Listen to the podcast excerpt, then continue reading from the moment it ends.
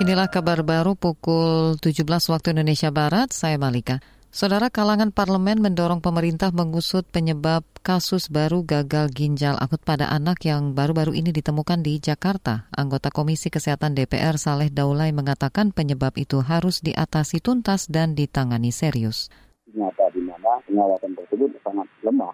Apakah obat yang diberikan itu eh, memang sudah legal beredar atau apakah obat itu adalah obat yang katakanlah e, dan seterusnya ini kan kita tidak dapat keterangan mestinya yang melakukan yang memberikan keterangan itu adalah badan POM tapi sampai sekarang kita belum mendapatkan nah kalaupun misalnya obat yang dikonsumsi oleh anak-anak ini itu adalah yang legal kemudian mereka sakit katakanlah karena obat itu maka tentu ini kesalahan tetap ada pada badan POM kami mohon maaf atas kesalahan teknis tadi. Anda baru saja menyimak kutipan anggota Komisi Kesehatan DPR Saleh Daulay. Di lain kesempatan, Direktorat Tindak Pidana Tertentu Bares Krim Polri berjanji akan menelusuri dua kasus baru gagal ginjal akut itu.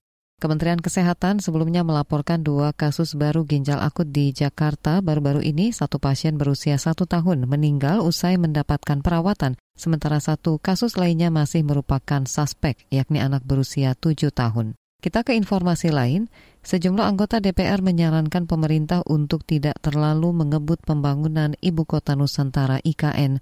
Anggota Komisi Keuangan DPR Marwan C. Asan mengatakan ancaman resesi global yang terjadi tahun ini bisa menghambat pembangunan IKN. Hal itu disampaikan saat rapat dengar pendapat dengan Badan Otorita IKN hari ini.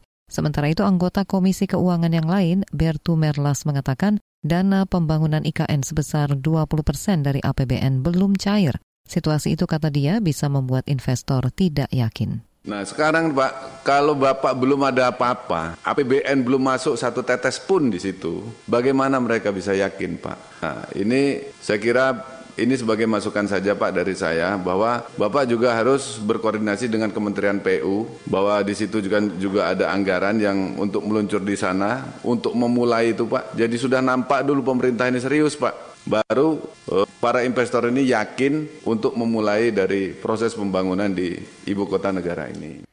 Itu tadi anggota Komisi Bidang Keuangan DPR Bertu Merlas. Saudara pembangunan Ibu Kota Nusantara atau IKN diperkirakan menelan anggaran lebih dari 460 triliun rupiah. Dari jumlah itu APBN menanggung beban 20 persen, sedangkan sisanya bersumber dari kerjasama pemerintah dengan swasta. Kita ke lantai bursa, indeks harga saham gabungan IHSG ditutup anjlok 37 poin ke level 6.873. Pelemahan IHSG dipengaruhi penurunan saham berbagai sektor, seperti sektor energi, properti, teknologi, keuangan, dan konsumer non-primer. Sekitar 200 saham tercatat naik, 300-an saham melemah, dan 210-an lainnya stagnan. Transaksi perdagangan tercatat mencapai 9 triliun rupiah. Sementara itu kurs rupiah ditutup melemah 1,07 persen dan diperdagangkan di level 15.055 rupiah per dolar Amerika Serikat. Demikian kabar baru dari KBR, saya Malika, salam.